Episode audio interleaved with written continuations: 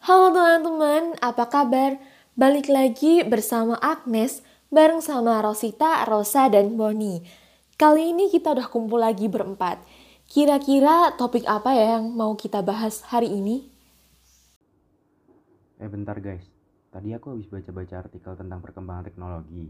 Nah, ternyata teknologi yang kita gunakan sekarang ini udah berkembang ya. Oh ya, ada hubungannya kan sama determinasi teknologi? Determinasi teknologi? Apaan tuh? Determinasi teknologi itu asalnya dari dua kata, yaitu determinasi dan teknologi. Determinasi adalah suatu paham yang menganut tentang seluruh kejadian yang ada di masa lalu, serta memengaruhi apa yang ada di masa depan. Dan sering kali, hal tersebut datang atau memengaruhi tanpa disadari oleh masyarakat.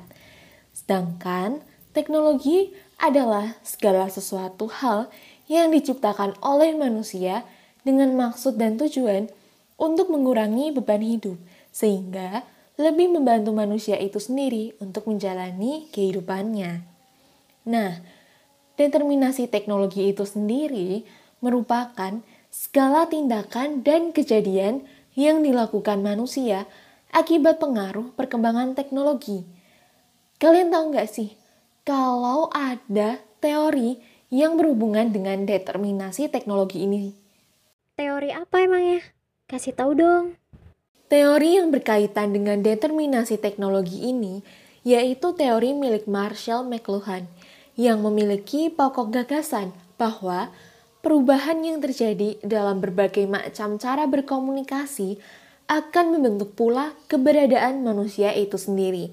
Sehingga Teknologi komunikasi akan menyediakan pesan dan membentuk perilaku manusia. Oh gitu ya.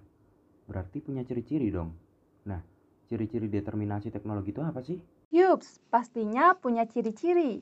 Yang pertama, teknologi membuat sesuatu hal yang tabu menjadi hal yang lebih berguna.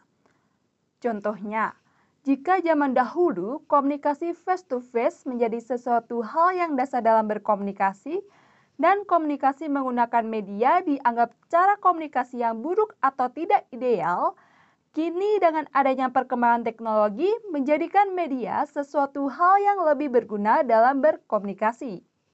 Yang kedua, teknologi membuat masyarakat berkembang dari abad ke abad. Marshall McLuhan memetakan sejarah kehidupan manusia ke dalam empat periode. Yang pertama, era suku atau purba, era literal atau huruf, era cetak, dan yang keempat era elektronik. Dengan adanya teknologi yang berkembang dari abad ke abad akan berpengaruh juga ke masyarakat. Nantinya masyarakat juga akan berkembang dari yang hanya mengandalkan indera pendengaran saja hingga masyarakat yang sudah dapat mengandalkan lisan dan tulisan dalam berkomunikasi. Yang ketiga, media lebih penting dari isi pesan.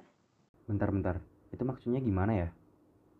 Kok bisa sih media lebih penting daripada isi pesan? Bukannya isi pesan yang disampaikan media itu penting ya? Aku masih bingung nih.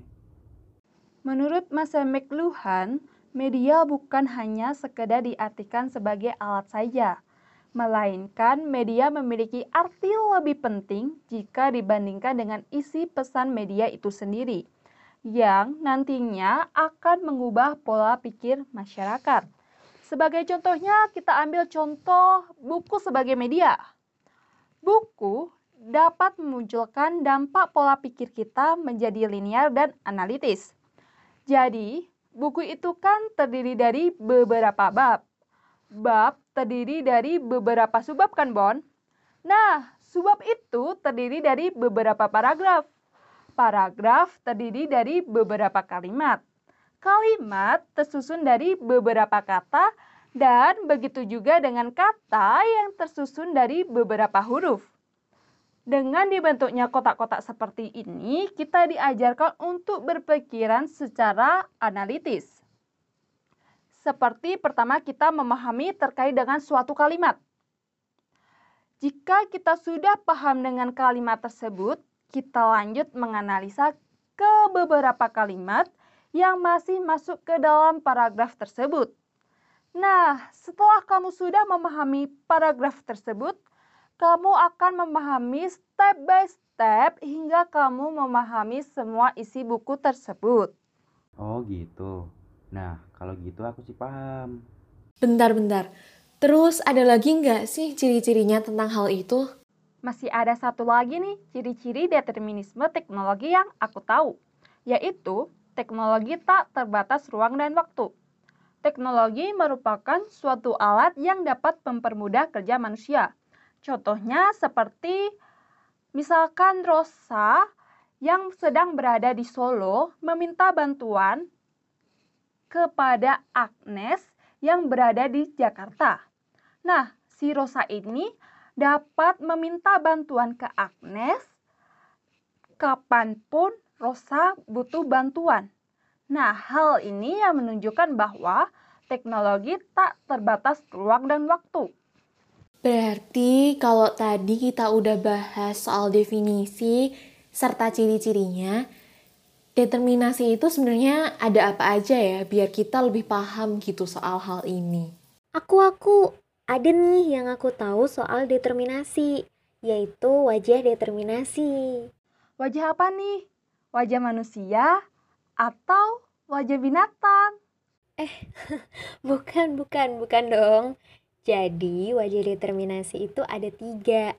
Yang pertama, ada normatif yang menjelaskan bahwa teknologi itu merupakan produk intelek masyarakat yang menunjang masyarakat dalam hal ilmu pengetahuan. Jadi misal nih, kita bisa tahu tentang berita perkembangan kasus COVID-19 lewat media sosial seperti Instagram. Nah, Instagram ini adalah produk dari perkembangan teknologi dalam menyebarkan informasi ke masyarakat. Terus wajah yang kedua adalah akibat yang tak diinginkan. Maksudnya adalah Teknologi di sini dianggap memiliki sifat otonom, yaitu teknologi tidak dapat diprediksi perkembangannya. Dan wajah yang terakhir adalah nomologis. Nah, pandangan ini kebalikan dari akibat yang tak diinginkan.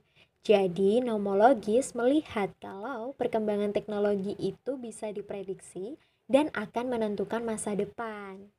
Oh, aku kira bentuk wajah tuh ya ada hidung, mulut, mata, dan lain-lain gitu deh. Oke, oke, oke. Sekarang aku paham. Nah, tapi dari tiga wajah tadi, ada yang berkaitan erat sama determinasi teknologi nggak sih? Nah, kalau dari tiga wajah tadi, yang sesuai sama determinasi itu yang wajah nomologis, karena kita bisa memprediksi perkembangan teknologi sehingga dapat memperkirakan sebab akibat antara masyarakat dan teknologi. Terus yang dua wajah lainnya gimana nih? Jadi, kalau sama dua wajah lainnya ini, dirasa sulit untuk dikaitkan dengan determinasi, karena kita tidak bisa memprediksi akan perkembangan teknologi dan tidak bisa memperkirakan sebab akibat antara masyarakat dan teknologi. Oh guys, sekarang aku jadi lebih paham. Nih ya, jadi dari artikel yang aku baca, Kominfo sendiri pernah mengeluarkan berita yang berisi tentang berapa banyak sih sebenarnya pengguna internet khususnya yang ada di Indonesia. Terus di berita itu Kominfo juga menekankan di topik kalau Indonesia itu merupakan negara dengan jumlah pengguna internet nomor 6 terbesar di dunia. Nah, kalau lihat dari berita itu kan berarti bisa diambil kesimpulan kalau antusiasme masyarakat khususnya di Indonesia mengenai perkembangan internet kan tinggi ya terus bukti itu diperkuat juga uh, dengan salah satu tulisan yang ada di bukunya James Karen yang judulnya Misunderstanding di Internet. Di situ dikatakan kalau di tahun 2011 Facebook itu menjadi web paling populer yang diakses setelah Google. Nah, berarti di sini masyarakat itu kan menyadari ya kalau misalnya dia mau uh, mendapatkan informasi atau ingin lebih dekat dengan orang-orang tanpa harus bertemu satu sama lain, mereka punya web tersendiri dengan misalnya Google ataupun Facebook. Dari dua hal yang di atas, itu dapat diambil kesimpulan kalau memang teknologi internet yang berkembang di masa sekarang mampu memberikan informasi yang cakupannya lebih luas, malah jauh lebih luas daripada uh, media-media yang konvensional di zaman dulu gitu loh. Bisa membaca berita, mencari informasi yang lain, atau membuat kita lebih dekat dengan orang-orang terdekat kita, keluarga, misalnya terus kerabat, teman, walaupun kita tidak harus bertemu secara langsung. Oke, berarti nih kesimpulan dari apa yang kita bahas tadi bahwa determinasi itu bisa membawa perubahan bagi masyarakat. Dari yang dulunya tidak bisa dilakukan menjadi bisa dilakukan oleh masyarakat. Wah, cukup banyak ya informasi yang kita dapat hari ini. Jadi sekarang kita sama-sama lebih paham tentang determinasi teknologi. Oke guys, itu tadi diskusi kita tentang determinasi teknologi. Sampai jumpa di diskusi kita yang selanjutnya. See you!